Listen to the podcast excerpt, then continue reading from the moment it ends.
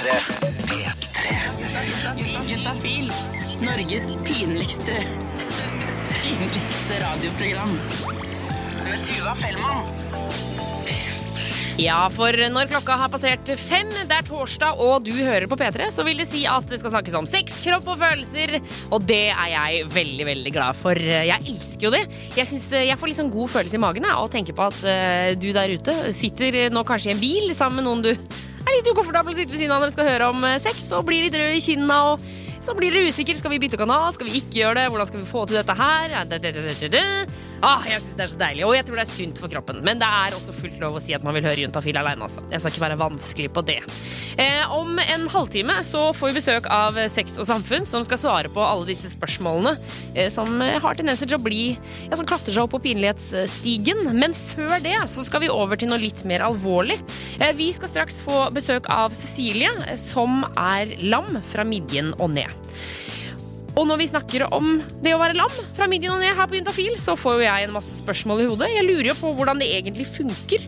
Hvor mye kjenner hun, og hvordan er det? Hvordan eh, altså, fungerer sex når man ja, sitter i rullestol, ikke kan på en måte bevege beina? Eh, Så dette skal vi svare på. Hun skal fortelle om alle detaljene, og jeg gleder meg stort til å få henne på besøk. Eh, Vi blir her frem til klokka sju, så her er det bare å gjøre seg klar for prat om sex, kropp og følelser, og ikke minst digg P3-musikk. Velkommen skal du være. Juntafil. Tuva Fellmann. Norges pinligste radioprogram.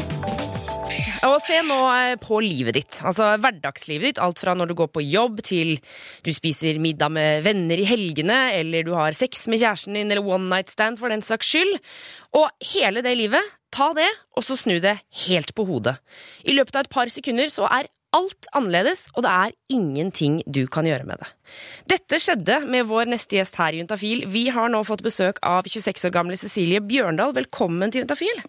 Takk skal du ha. Du, du sitter i rullestol. Du er lam fra midjen og ned, har vært det snart i syv år. Um, kan ikke du fortelle, hva var det som skjedde?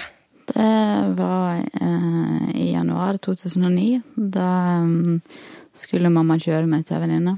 Og så um, sto vi og ventet i et kryss. Uh, jeg skulle ut og ta- ut penger. Og så husker jeg det at jeg lener meg fram for å legge fra meg et eller annet på dashbordet, og så samtidig på vei tilbake da, så ser jeg ut i speilet, og der ser jeg noe stort og blått som kommer mot oss. Og da var det en lastebilsjåfør som hadde holdt på med telefonen sin, som da ikke hadde sett bilen vår. Som da traff bilen i 70 km i timen. Og som da endte med at jeg knakk ryggen og ble lam. Så han kjørte i dere bakfra, på en måte? Ja. Og så, ja, som du sier, så du brakk ryggen, og så ble du lam. Eh, Hvordan var reaksjonen din da du skjønte at du ikke kom til å gå igjen? Jeg skjønte allerede i eh, ulykka at, at det hadde skjedd noe, og at jeg hadde blitt lam. Um, men når jeg først ble helt skråsikker på at det, at det her faktisk var varig, så var jeg kjempesint. Jeg fikk det så rett i fleisen av legen at eh, jeg kunne ikke gjøre noe annet enn å bare, bare bli sint. Hvor lenge var du sint, da? Jeg var faktisk så sint eh, i den perioden jeg var på eh, den avdelingen at jeg fikk beskjed om at hvis jeg ikke skjerpa meg, så, så ble jeg kasta ut. Så det, jeg måtte ta meg sammen med en gang. Og det gjorde jeg. Heldigvis.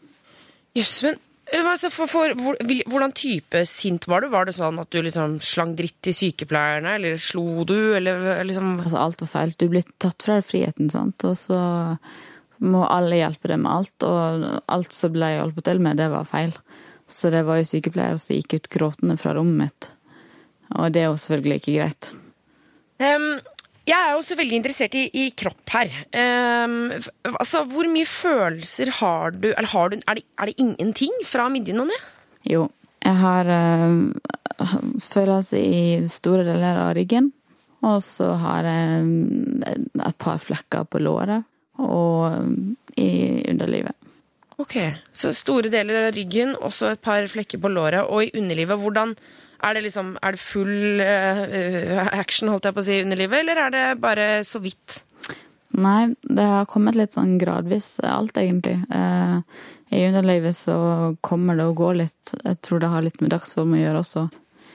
Jeg kjenner ikke alt, men jeg kjenner nok. Jeg tenkte vi skulle snakke litt om, om sex eh, etterpå, hvordan det er. Mm. Men jeg lurer også på de, liksom, de helt vanlige tingene. Eksempel det å få mensen og tisse. Hvordan funker de naturlige prosessene?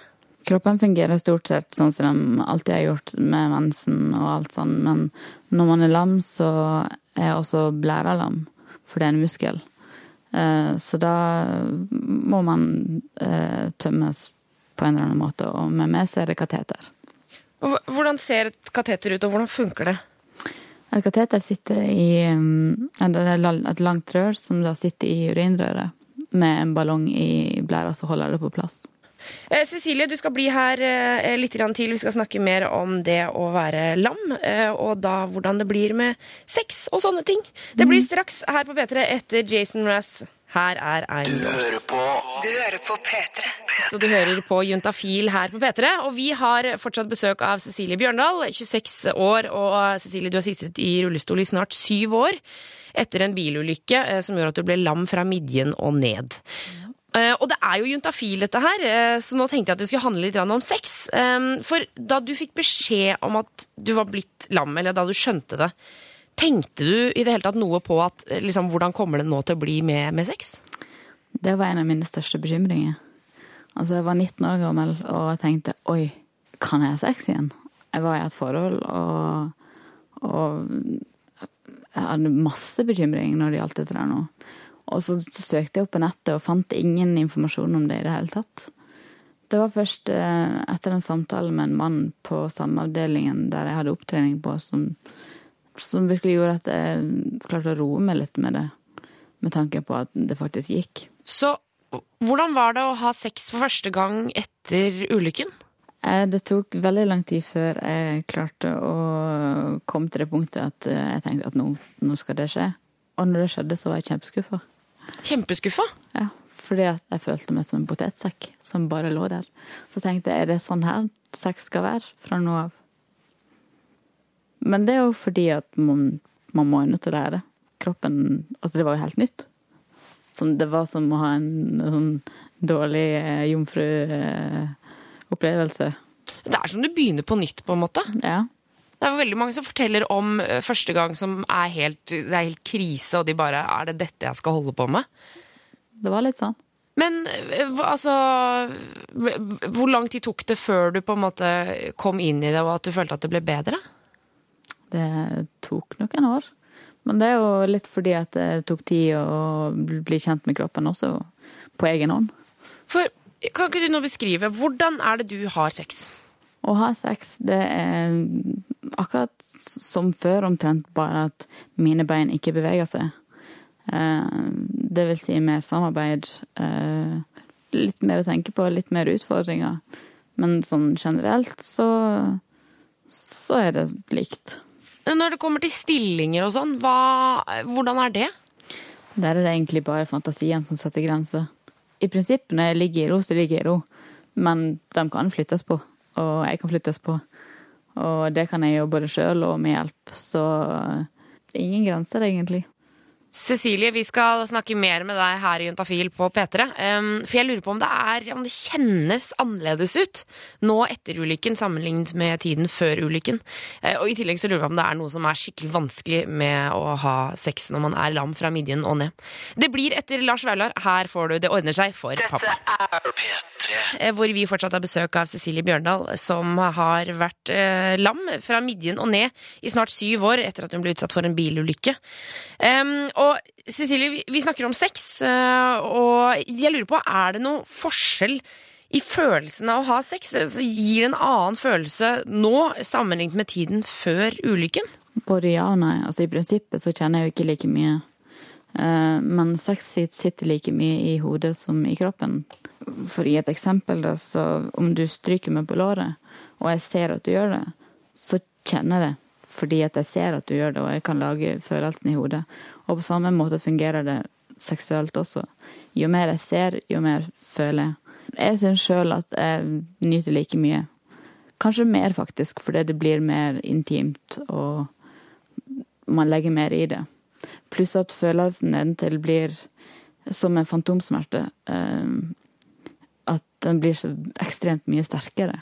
Så blir du, du må jo bli mye mer sånn våken, hvis du skjønner hva jeg mener. Mye mer obs på alt som skjer. Absolutt. Man må jo lære kroppen å kjenne på nytt. Eh, og det er en lang prosess. Det har tatt meg lang, lang tid å komme dit jeg er nå. Men jeg kunne ikke vært mer fornøyd. Men Får du orgasmer og sånn? Ja. Er det, er det noe forskjell der? Eh, ja, det er det. Det er, en, det det er litt forskjellig fra gang til gang. Det er ikke samme opplevelse som det var før. Absolutt ikke. Men det er likevel godt på samme måte. Det er vanskelig å forklare. Det, det, altså, kroppen er vanskelig å sette seg inn i. Ja, altså, jeg klarer ikke å forklare en orgasme, så det du, skal ha, du skal ha for å prøve. Ja. Men hvordan Altså, har du liksom sånn som mennesker som du har hatt samleie med, har du altså, fått noe inntrykk av hvordan det er for de? Jeg var veldig bekymra for trærne om liksom, jeg skulle være dårlig i senga og at, eh, at ting skulle gå galt og sånn. Men jeg har ikke hørt noe annet enn at nei, jeg tenker ikke over at eh, du er sammen. Og deilig, da. Ja, det, det syns jeg er kjempefint. Fordi at eh, man, skulle, man skulle tro det at man liksom bare ligger der, og at man ikke er med på det, og at den partneren gjør alt. Men det er ikke sånn. Altså, man har sex, man er to om det. Og når man er i nuet, så har ikke det så mye å si om beina fungerer eller ikke. Og så lurer jeg på, Er det sånn at resten av kroppen din får mer følelse? Hvis du skjønner hva jeg mener? Jeg tenker Hvis man eh, tar bort noe, at det da forsterkes andre steder? Ja, det er sånn hos de fleste som er lam at uh, eh, Det er litt sånn Man tar vekk en sans, sant. Så det som er over skadestedet, blir mer sensitivt. Blant annet pupper og, og erogene soner og øreflipper og nakke, alt sånt. Er det noen vanskeligheter ved å ha sex når man er lam? Eh, vanskeligheter og Tja, kroppen er ikke alltid like enig med meg som jeg har lyst til at han skal være. Så eh, jeg har blant annet spasme. Eh, Spasme er ukontrollerte muskelsammentrekninger. Det vil si at beina av og til gjør sånn som de vil. Og når man er seks og beina plutselig strekkes ut eller hopper litt og sånn, så kan det bli litt morsomt. Men kommer det da som en sånn Kommer det som et pang, på en måte, at beina plutselig bare slår opp? Eh, ja, man, man kjenner det på forhånd, men, men ikke fort nok til at man kan si ifra. Altså, det er litt sånn Du, gidder du å gi meg foten min, eller? Men klarer du, Jeg beklager at jeg, at jeg ler nå, men, men er det sånn, ler du av det når det skjer? Ja, ja, så klart. Altså, det blir bare en morsom greie. Cecilie Bjørndal, tusen takk for at du kom innom Juntafil og fortalte om dette. Det var veldig veldig hyggelig å ha deg på besøk. Takk skal du ha. P3. Og vi har fortsatt besøk av Nils Petter fra Sex og Samfunn. Her er jeg. Ja, Svarer på spørsmål eh, om eh, sex, kropp og følelser. Um, og Det er veldig deilig når dere er her, Nils Petter, fordi dere er sånn, sånn oppslagsverk. eh, sånn at jeg kan, jeg kan bruke dere til hva jeg vil, føler jeg. Altså, det, er liksom ikke noe stans på vitenskapen deres. Eller kunnskapen, heter det kanskje. Nei, vi bare åpner oss opp som en bok, vet du. Ja, en sånn sexbok. Jeg liker det. Sexbok. Ja, det likte jeg òg. Ja, um, Vi eh, har fått inn en SMS her hvor det står Hei, Edafil. Ved samleie blir det noen ganger smerter i streng rundt penishodet. Eh, Og rødt og ømt, slik som et gnagsår. Har noen ganger også blitt småsår og har hatt samboer i fire år. Hilsen mann 33. Hva kan dette være? Ehm, streng rundt penishodet. Da jeg går ut fra at han snakker om strengen som er på baksida av penishodet. Ja, For det er det man kan ryke. Ryke strengen, er det den? Ja, den kan ryke. Ja. Ehm, så eh, alle som ikke er omskjært, har altså da en streng på baksida av penishodet. Hæ, men de som er omskjært, de, den har, der er den ikke? Mm, det stemmer. Fordi, Næsj! Dette visste jeg ikke. helt sant. Eh, så da er det sånn at den strengen, når du på en måte drar forhuden bakover Hvis du trekker forhuden helt tilbake, så kan strengen eh, rett og slett rykke litt i, i glansen på penishodet, så Ja. at det på en måte trekker seg litt bakover. Ja. noen har en veldig løs streng, som det ikke blir noe problem med. Andre har en litt strammere streng. Ja. Eh, og hvis at man også har litt trang forhud i tillegg, så kan det der bli litt sånn eh, double trouble. Ja. Eh, så det kan jo bli litt sånn gnagsår og litt ømhet og sånne ganger. Det kan faktisk bli en liten rift i den strengen. Eh, og det kan blø skikkelig, altså. Så det kan se fryktelig dramatisk ut uten at det faktisk er det. For det er masse blodsirkulasjon i penisen når den er erigert. ja, for der er det jo det det, det står av, holdt jeg på å si. Ja, rett og slett. Så, så, eh, men det er ikke farlig. Og det, vi får ganske ofte gutter som har hatt liten rift i strengen, altså, så kommer de om klinikken vår også. Eh, stort sett så vil dere der eh, gå over selv, bare at man gir det ro og hvile, da. I Ja. den grad man får det til. Men, men sånn som han her som sier at han får det i- altså ved samleie, så er det smerter, og det blir rødt og ømt. Og, Mm. Eh, kan, det være noe, altså, sånn, kan det være noe at han reagerer på samleie, at det er da det skjer? Hvis du skjønner hva jeg mener? Jo, det kan hende. Eh, Det kan f.eks. dreie seg om eh, litt sopp noen gang. Eh, Det kan, som regel, så er ikke det noe som smitter fra eh, jente til gutt. Men noen ganger så kan det f.eks. hvis at eh, samboeren har veldig mye plager med sopp i underlivet, så kan han få litt sin irritasjon etter samleie. Det går an. Han, Ja, For da kommer liksom han inn i et miljø eh, hvor det, eh, Hvor det- kanskje hvor- ikke var så comfy for tissen? Ja. Eh, Så han kan også få litt sånn sopplager selv også, uten at samboeren har det. Men eh, gjerne litt sånn mekanisk irritasjon, friksjon og sånne ting gir ofte litt sånn ubehag og rødhet og ømhet og sånt. Eh, I hvert fall hvis at er etter heftig samleie eller mye sex, da, så kan jo det irritere ekstra mye. Så, men det finnes jo råd mot det der, og, en ting er også selvfølgelig gi litt hvile. Ikke være for overhygienisk med såpe og, og sånne ting. Ja, for Når du sier ikke for overhygienisk, Mm. altså hva, hva vil det si egentlig? Eh, Det vil si, ja, ikke vask flere ganger om dagen med såpe i hvert fall. Eh, Det holder med én gang om dagen. Og, Eh, og da er det ikke sånn head and shoulders-såpe som skal tas på tissen? Altså Mange klarer seg fint med det, men noen er litt ekstra sensitive og kan faktisk da bli ekstra irritert ved bruk av såpe, og kan også gjøre at det blir litt ekstra grobunn for sopp. Så for at det tørker ut, uh, tørker ut skimmene og huden. Ja. Ja, så noen ganger kan olje være et bedre forslag, som bevarer mer fuktighet. Som, Eh, olje? Hvordan da? Jo, altså, sånn, hva slags olje da? eh, for eksempel intimolje. Å ja! Er det sånn, sånn, som man tar sånn babyolje og sånn også? Jo, det kan du også bruke. Så egentlig olje generelt, men også vann i utgangspunktet kommer man veldig langt med. Men hvis at du kjøper sånn intim olje eller eh, sånn eh, ja, med, med uten for mye parfyme og for mye tilsetningsstoffer sånt, så, som det minst mulig irriterende stoffer i, så kan det være bedre enn vanlig såpe. Ok. um, så det vil altså si, eh, mann 33, at uh, vi vi må, du må gå gjennom hygienerutinene her. Kanskje de er for Kanskje. harde. Eh, og kanskje ta en prat med kjæresten om det er noe eh, sopplandskap der som man er inne i. Eh, eller kanskje ta det litt roligere. Ta litt hvile mellom. Ja. Hvile mellom slaga, holdt jeg på å si. Flere spørsmål her på Juntafil kommer straks på P3. Du hører på P3. Og Nils Petter er fortsatt i studio, som er altså da lege fra Sex og Samfunn. Hei, hei, hei. Hei og hei, Hei, og hei, hei, hei, hei. Eh, Vi skal svare på litt spørsmål som har kommet inn her. Og her har det kommet eh, fra en jente på 25 år som virker litt sånn eh, småstressa. OK? Eh, hvor det står her i fil Jeg og kjæresten har snart vært sammen i et år. Det går egentlig veldig bra, men jeg er så redd for at han skal bli forelska i noen andre enn meg. Han sier han ikke kommer til å bli det, men man vet jo faktisk aldri. Hva skal jeg gjøre? Greier ikke å legge fra meg tanken. Hmm. Ja, den var litt kinkig. Det er jo frustrerende. Og jeg, altså sånn, for jeg, jeg er jo egentlig, liksom, egentlig litt enig i den der man vet jo aldri. For selv har jeg jo også blitt forelska. Liksom bare sånn pangforelska plutselig uten å, uten noe forvarsel. Så hvis man har opplevd, opplevd den, så kan jeg jo skjønne at man blir stressa av det. Ikke sant?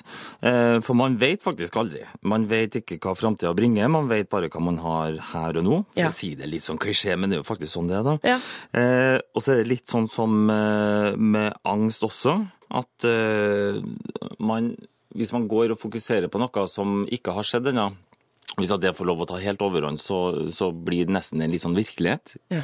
Eh, så det er litt sånn obs og så prøve å snu den prosessen litt. Da. Eh, og så tenker jeg, For de hadde vært sammen snart et år, Ja. og da har han jo valgt da i, i snart et år. Ikke sant? Eh, så jeg tenker, hvis du flytter litt fokus på at den faktisk har gjort det, at den velger det, eh, istedenfor at du eh, prøver også å tenke om det kan være noen andre som vil komme inn i bildet, for det, det kan du faktisk ikke styre uansett. Nei. Du har faktisk ikke kontroll over noen andre sine følelser enn dine egne, og du kan aldri garantere deg eller helgardere deg at han ikke vil forelske seg i noen andre, men sannsynligheten er jo størst for at han fortsatt velger deg.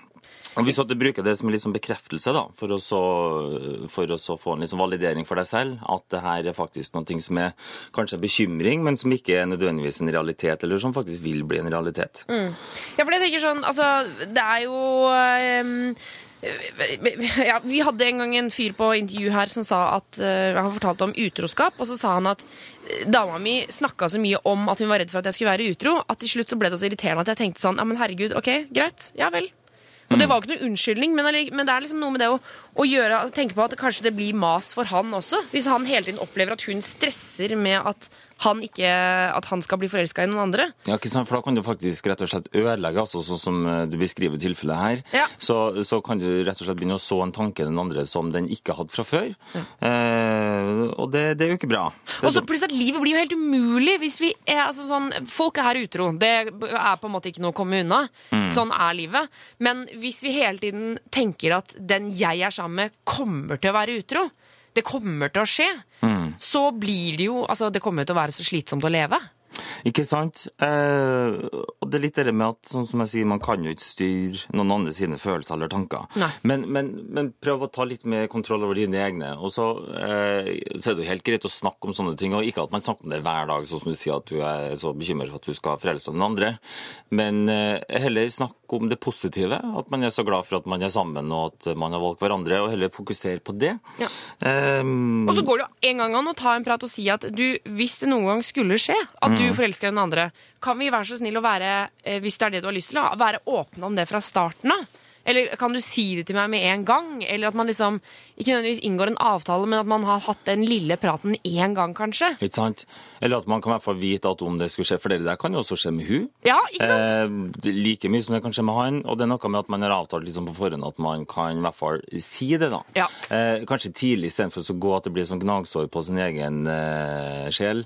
Fordi selv om man får følelser for andre, for det, gjør jo nesten alle som er i forhold eh, en eller annen gang, Mm. så får man følelser for en annen person uten at det nødvendigvis betyr at det betyr eh, en stor forelskelse, eller at man faktisk skal gå fra den eh, partneren man faktisk er sammen med. Ikke sant? Det er bare litt sommerfugler i magen, og så går det relativt raskt over. Ja. Um, Jente 25, uh, her tror jeg det lønner seg å ikke mase for mye om dette her, altså, for da tror jeg du vikler deg inn i noe du ikke kommer deg ut av, med mindre det er et breakup som gjør at du kommer deg ut av det. Um, vi skal svare på flere spørsmål seinere i sendinga, men nå blir det musikk. Jeg gleder meg, altså. Her får du Waters Got To My Head. Dette Ja, og du hører på Intafil, og før sommeren så eh, hoppa vi inn i livet til Linn, eh, som ble gravid. Og vi var jo med på første ultralyd, vi var med på cravings og det ene og det andre. Og nå eh, har jo sommerferien gått, og det vil jo si at magen den har vokst noe så inn i granskauen mye. Dette her det er lyden av ei høygravid dame med bekkenløsning som løper så fort hun kan opp og ned en trapp utenfor huset sitt i Arendal. Linn har nå en mage som er sånn eh, omtrent på størrelse med en godt innpakka fotball. Ja, og 2300 gram. Og så er hun 41 cm lang, så nå begynner det å hjelpe seg. Og nå når det kun er en drøy måned igjen til fødsel, så ligger den lille jenta inni Linn sin mage med rumpa nedover og beina og hodet oppover. Det har Linn fått vite allerede nå, fordi hun går veldig ofte til kontroller. Grunnen til det er at hennes blod er resus negativ. Det har rundt en sjettedel av gravide kvinner. Og det som kan skje da, er at dama kan lage antistoffer i kroppen sin, som igjen kan gjøre at eh, fosteret blir blodfattig eller danner en altfor stor mengde av stoffer som det ikke skal ha i kroppen. Foreløpig er det ikke det som er faren med Linn sitt foster, men hun har fått vite at det kan hende hun går det som heter setefødsel i møte. Og da ble jeg veldig åh. eh, Men hun ligger med rumpa ned, og da fødes et fødsel. Det stussa jeg litt på om, om jeg hadde lyst til, rett og slett. Så jeg snakka med jordmor, og hun sa at eh, jeg skulle ikke bekymre meg. Jeg måtte vente til uke 36, skal jeg inn på ultralyd igjen. Og så hvis den fortsatt, eller hun jenta da, som ligger inni der, fortsatt ligger med rumpa ned, så kan jeg bestemme sjøl om jeg vil ta keisersnitt eller føde setefødsel. Og nettopp det med at fosteret ikke ligger med hodet nedover, sånn som det egentlig skal, det er òg grunnen til at Linn har så vondt i bekkenet nå. Eh, For når hodet ikke har festa seg i bekkenet, så er fortsatt eh, de nederste ryggvirvlene, halebeinet, kjønnsbeinet og det som heter skambeinet i bevegelse hele tida. Og du kan jo sjøl tenke deg åssen det er å være gravid, oppblåst, sliten, ha halsbrann og i tillegg ha et skjelett som ikke henger sammen. Bekkenløsninga kom jo midt i, i juli eh, for fullt. Akkurat som bare bang, rett i smertetortur. smerte, tortur. og da var det bare seng som gjaldt. Seng, sofa og solseng. Men selv om Linn er usikker på åssen fødselen hennes kommer til å bli, og i tillegg er plaga med skikkelig bekkenløsning, så har det faktisk eh, sine fordeler. For før bekkenløsninga satte inn for fullt, så hadde hun noen ganske andre plager. Nemlig altfor levende drømmer. Babyen var død. Særlig drømte jeg veldig ofte at mannen var utro eller reiste eller var sammen med noen andre, eller, eller av det for den saks skyld. Var at barnets far ikke var barnets far, og det var, det var liksom veldig vilt. Så jeg syns det var veldig tungt å våkne om morgenen og bare kjempelei meg. Og eh, hvordan fødselen kommer til å arte seg, eh, det er det jo ingen som vet. Hun har ikke født ennå. Eh, Men jeg skal love deg at jeg skal ta ansvar for at både du og jeg skal få vite hvordan det går når den lille jenta blir født. Reporter er Grete Husen. Dette er Dette er P3. P3. Juntafil presenterer erotiske folkeeventyr. I dag Prøv med smør først. Det var ei brur som hadde så trange sko. Så var det om kvelden i brurekammerset, da brura og brudgommen skulle legge seg. Hun kunne ikke få skoen av seg. Så skulle brudgommen hjelpe henne, men han greide ikke han heller. Det var da veldig ikke trangt det var. Jeg tror vi må bruke kniv, sa brudgommen. Nei, nei, dere må ikke skjære! Prøv med smør først! ropte mor til brura. Hun sto utafor og lytta.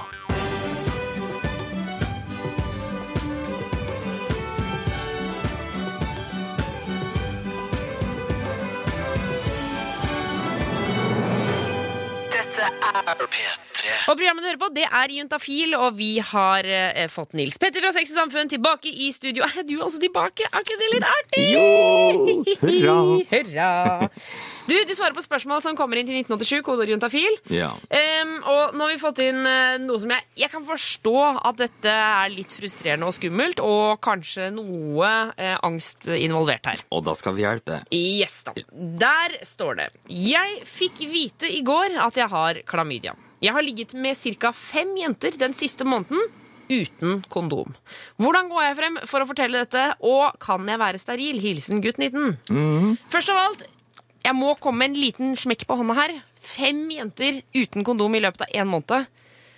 Da må du begynne å bruke kondom, eh, gutt 19. Ja. Det må vi bare, vi, det må vi bare vi Det, må si det, det. det er vi enige om, begge to. Ja, Så skal vi slutte å, å kjefte på det, men da har vi sagt det. Nå må du begynne å bruke kondom. Ja, vi, vi liker å kjefte litt, da. Ja, litt. Grann. Bare, bare litt. Men Ja. ok, så Hvis vi tar steril først, da. Kan han være steril? Nei, det er liten sjanse for det, altså. Det er det. Ja.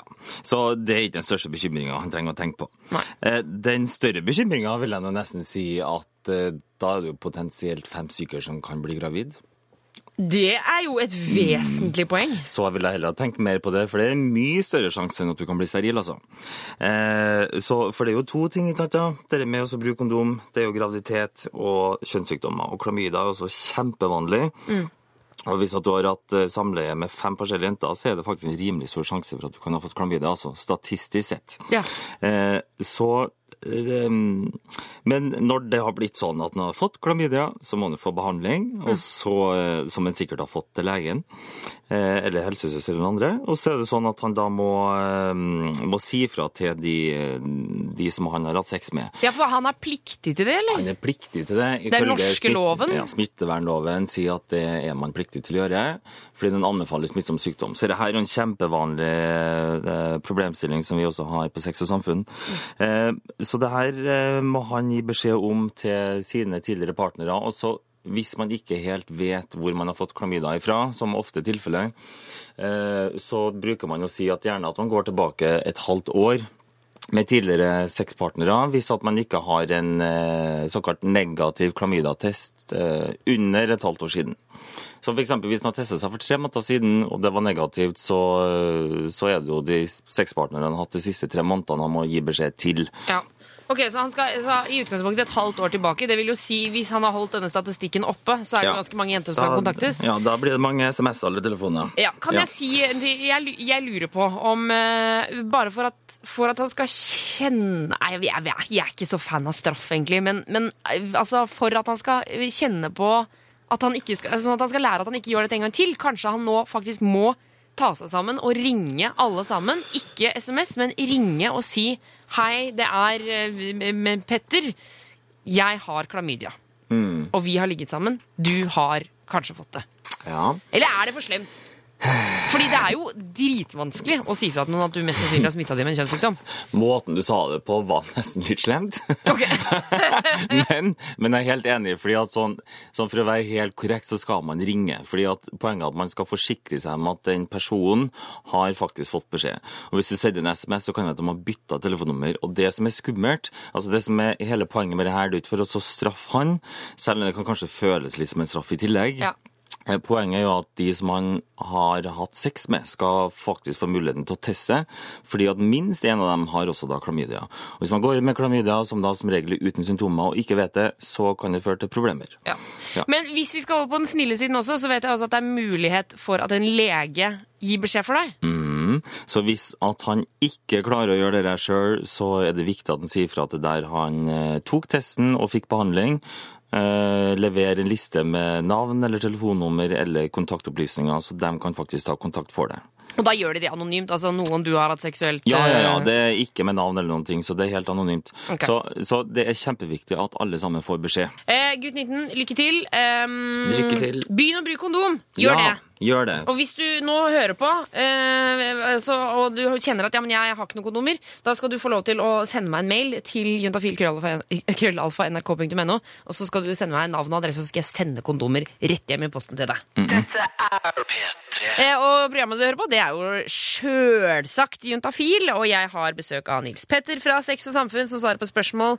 Det er godt du kan svare, Nils Petter, for du har jo faktisk eh, utdanning og er lege. ja, ikke sant? Jeg er bare en pratende eh, person som liker å snakke om sex, kropp og følelser. Jeg. Å, men du kan faktisk nesten like mye sjøl, Tuva, så det går så bra. Ja, men, men jeg, hvis jeg hadde hatt eh, Jeg tror at jeg kunne svart på en del spørsmål, men jeg, tror jeg, det jeg tror jeg hadde blitt så usikker i svaret mitt. Det er det som er så fint med dere leger, at dere har litt sånn pondus på det. At dere vet, dere vet svaret. Jeg er bare sånn, jeg kan tippe meg til det av og til siden jeg jobba i Juntafil i mange år. Men jeg tror ikke jeg hadde turt å si det, altså, fordi det er jo et eller annet med Det er folks liv, vet du. Ja. Ja, ja. Liv og helse. Liv og helse. Ja. Vi tar ansvar. Vi tar ansvar og skal svare på spørsmål nå fra gutt 22, eh, hvor det står Hei, når jeg og dama knuller, eh, virker det som musa hennes blir helt hul. Hvis jeg fingrer henne, virker det som at det er et lite luftrom der inne. Dette skjer før hun kommer, altså når hun er skikkelig kåt. Alt ok, altså jeg bare lurer litt. Ja. Jeg lurer litt sjæl, jeg. ja. Er det, er det en hul inni der? Det er jo et hulrom. Eh, så vaginaen er jo veldig fleksibel, eh, og den eh, har masse muskler som, som går rundt vagina. Og der er det sånn at det er mulig at det kan strammes og bli ordentlig tett, eller det kan slappes av og åpne seg ordentlig. Og få en liten unge ut, liksom. Rett og slett. Så veldig fleksibelt. Så, og det der er helt normalt altså under samleie òg. Så, så vil det jo være en del fysiologiske prosesser sånn rett før orgasme. mm. med muskelavslapninger og muskelspenninger som gjør da at det føles ut som at det blir et, kanskje et ekstra hurrom. Men det er ikke noe ekstra rom som oppstår, altså. Ok, Så det er ikke noe sånn at det åpner seg et lite sånn kammer inni der? Nei. Det... orgasmekammeret? Nei. Men så er det jo dette her med eh, det som man kaller for fittefis. Eh, Når det kommer altså, fysisk luft inn i eh, vagina, og Mm. så eh, på, bytter du kanskje stilling, og så kommer det sånn ut. Ja. Hva, det, Ja? Det er fra skjeden, ja, og ikke fra tarmen. Eller det kan jo også skje, men eh, den lyden som kommer fra, fra vaginaen, den er pga. vakuumet som skapes der. ja. Ja, Så det blir, eh, det blir litt sånn som en sånn sugekopp, altså. Det, når du eh, penetrerer, så vil det være sånn at luft dyttes inn og ikke ut, og så når du trekker deg ut, så vil lufta plutselig presses ut. Ja, ikke Ja. sant. Og jeg har hørt at det er noen stillinger som ja, på en måte skaper mer større sjanse for uh, sånn fittefis. For eksempel og hvis det er eh, doggy. At da trekkes liksom, for da står liksom dama på alle fire. Det har i hvert fall jeg hørt, at da er det lettere. Nå kjente jeg at jeg ble usikker. Så nå kom den usikkerheten der, derfor du er lege. Nå kan du, kan du svare. Er det sant? Det er ikke alt sammen som vi vet heller, vet du. Tuva. Jeg ble nesten litt usikker sjøl. Okay. Men hvis vi sier at doggystyle eh, kanskje øker litt den sjansen, så skal ikke jeg nekte for det, altså. Det, okay. det kan godt hende. Ja. Ja. Eh, Det er i hvert fall eh, helt normalt, og det er deilig. ja.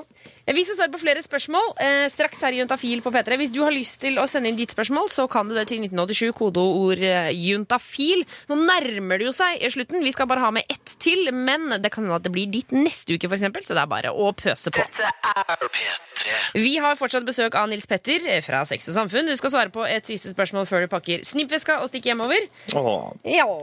Ja. Det går bra, du skal komme tilbake. ja, men det var fint. Ja. Takk. Eh, vi har fått en, eh, et spørsmål her fra jente i 20-årene, står det. Hvor det står Hei, har hatt mange sexpartnere, men aldri fått orgasme. Føler jeg veldig nærme noen ganger. At jeg kommer til et visst punkt, men aldri bikker over. Dette sliter veldig på meg. Har dere noen tips? Og det er så mange som eh, forteller litt om det samme, altså.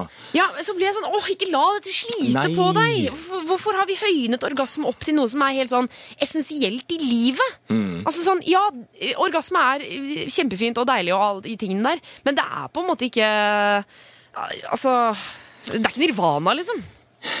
Nei, altså eh, Det er ikke nødvendigvis sånn at orgasmen skal være sexen. Nei. Sexen er så mye mer enn orgasme, og orgasmen kan være et ordentlig sånn eh, eh, glasur. Ja, og klimaks kan klimaks det jo også være. Ja, eh, men det kan være veldig deilig og fint uten orgasme. Eh, Men selvfølgelig jeg skjønner jo veldig godt at hun har lyst til å oppleve det. Ja. Eh, Men jeg lurer litt på har hun klart å få orgasme selv, da? Ja. Fordi det kan jo være en forskjell, for noen kan slappe mer av når man stimulerer seg selv. Og så er det jo det er så mye stressfaktorer ofte i sex og med partner og sånne ting. I hvert fall hvis du er en ny partner, Mm. så skal det utrolig mye til at man faktisk klarer å slappe helt av og frigjøre seg helt uten noen sånne hangups i Ja, hodet. ikke noen Eh, hemninger, Nei, liksom. for det er liksom de hemningene her som gjør at man ikke når klimaks, fordi man må faktisk kunne slappe av 100 for, eh, for å klare det. Mm. Og det gjelder kanskje litt mer for det gjelder absolutt for gutter også, men kanskje litt større grad for jenter. Men, for, og så tenker jeg sånn, Hun sier at hun kommer til et visst punkt, men aldri bikker over. Mm. Et, jeg, nå innbiller jeg meg at idet hun tenker nå kommer jeg til det punktet, nå kommer jeg til det punktet, nå kommer jeg, kommer jeg til å bikke over, kommer jeg til å bikke over, og så blir jeg sånn Ja, men da kommer det, det går jo ikke. Nei, for det kommer egentlig litt sånn av seg selv, eh, men ikke uten at man eh, stimulerer, selvfølgelig. Men det er noe med å kanskje ikke ha det så mye i fokus hele tida, men å faktisk la det slippe litt. Mm. Og kanskje ikke forvente så veldig mye heller, og bare nyte alt det som skjer. Og også er det kjempeviktig med stimulering av klitoris. Eh, Det påpeker jo hver gang når det kommer sånne spørsmål at uh, klitoris må, må få stimuli for å oppnå orgasme. Ja, for, da, altså, sånn, Stort sett alltid. Ja, for da, da snakker vi om at uh, det at uh, tis i tiss, på en måte, penetrering, er ikke nok. Nei. Det, det holder ikke. Det Det, holder ikke. er ikke sånn som på porno, at da får du en megaorgasme, og så kommer du i fire timer. Nei, veldig lite som er sånn på porno. Ja. Så, eh, men gjerne bruk eh, litt sånn glidemiddel også på klitoris, så det ikke blir så tørt. For noen syns det kan bli litt sånn sårt også ved langvarig simulering. Eh, og så for eksempel hvis at da sitter eh, oppå, oppå gutten. Det kan være en sånn fin stilling å prøve eh, når jeg kjenner at det begynner å nærme seg, for da får jeg altså litt bedre kontroll. For en ting med å ha litt av den kontrollfølelsen også. Så hvis jeg sitter oppå Samtidig med, med en finger stimulerer klitoris, så, så kan kanskje det hjelpe litt til å få, få orgasme. Men, men prøv gjerne sjøl, altså. Eh, Ja, og det- og sitt, sitt kanskje med et speil og så bli, eh, bli ordentlig kjent også i underlivet sitt. Ja. Eh, fordi, Og, og ikke minst fantaser. For det husker jeg hadde, Vi hadde en jente som var var her på Juntafil, som sa det at hun, hun fikk helt sånn åpenbaring idet hun skjønte at hun kom så mye lettere når hun begynte å fantasere. I tillegg. At da bare bom, så kom det, liksom. Det er ingen grenser for hva man kan gjøre altså, i, i tankene sine, og gjerne lukke øynene også. Så får man kanskje litt mer, eh, mer kontakt med, med kroppen sin, og også med tankene og fantasiene, og bare la det på en måte flyte litt. Ja. Ja. Eh, jente i 20-årene, masse lykke til. Eh, og jeg, jeg mener det, altså. Vi må Ja. det, Dette med orgasme er supert, men, men ikke la det styre livet, på en måte. Nei, og i hvert fall hvis at det er sånn at det ikke er Hadde fast partner sa noe om det? Nei, hun sa det var Nei. mange sexpartnere. Ja, fordi det kan også være litt av greia. For hvis at du har en fast partner som du kan bli trygg på etter hvert, og sånt, så, så vil det hjelpe lettere til å oppnå orgasme med en annen person. Ja. Så, så kanskje ikke ha de høye forventningene om at man skal få til det med nye partnere hver gang. Nei, Og ikke på one night stand og sånn. Nei. Ok, eh, Nils Petter, tusen takk for at du kom innom eh, Juntafil i dag. Bare hyggelig. Hør flere podkaster på nrk.no podkast. P3.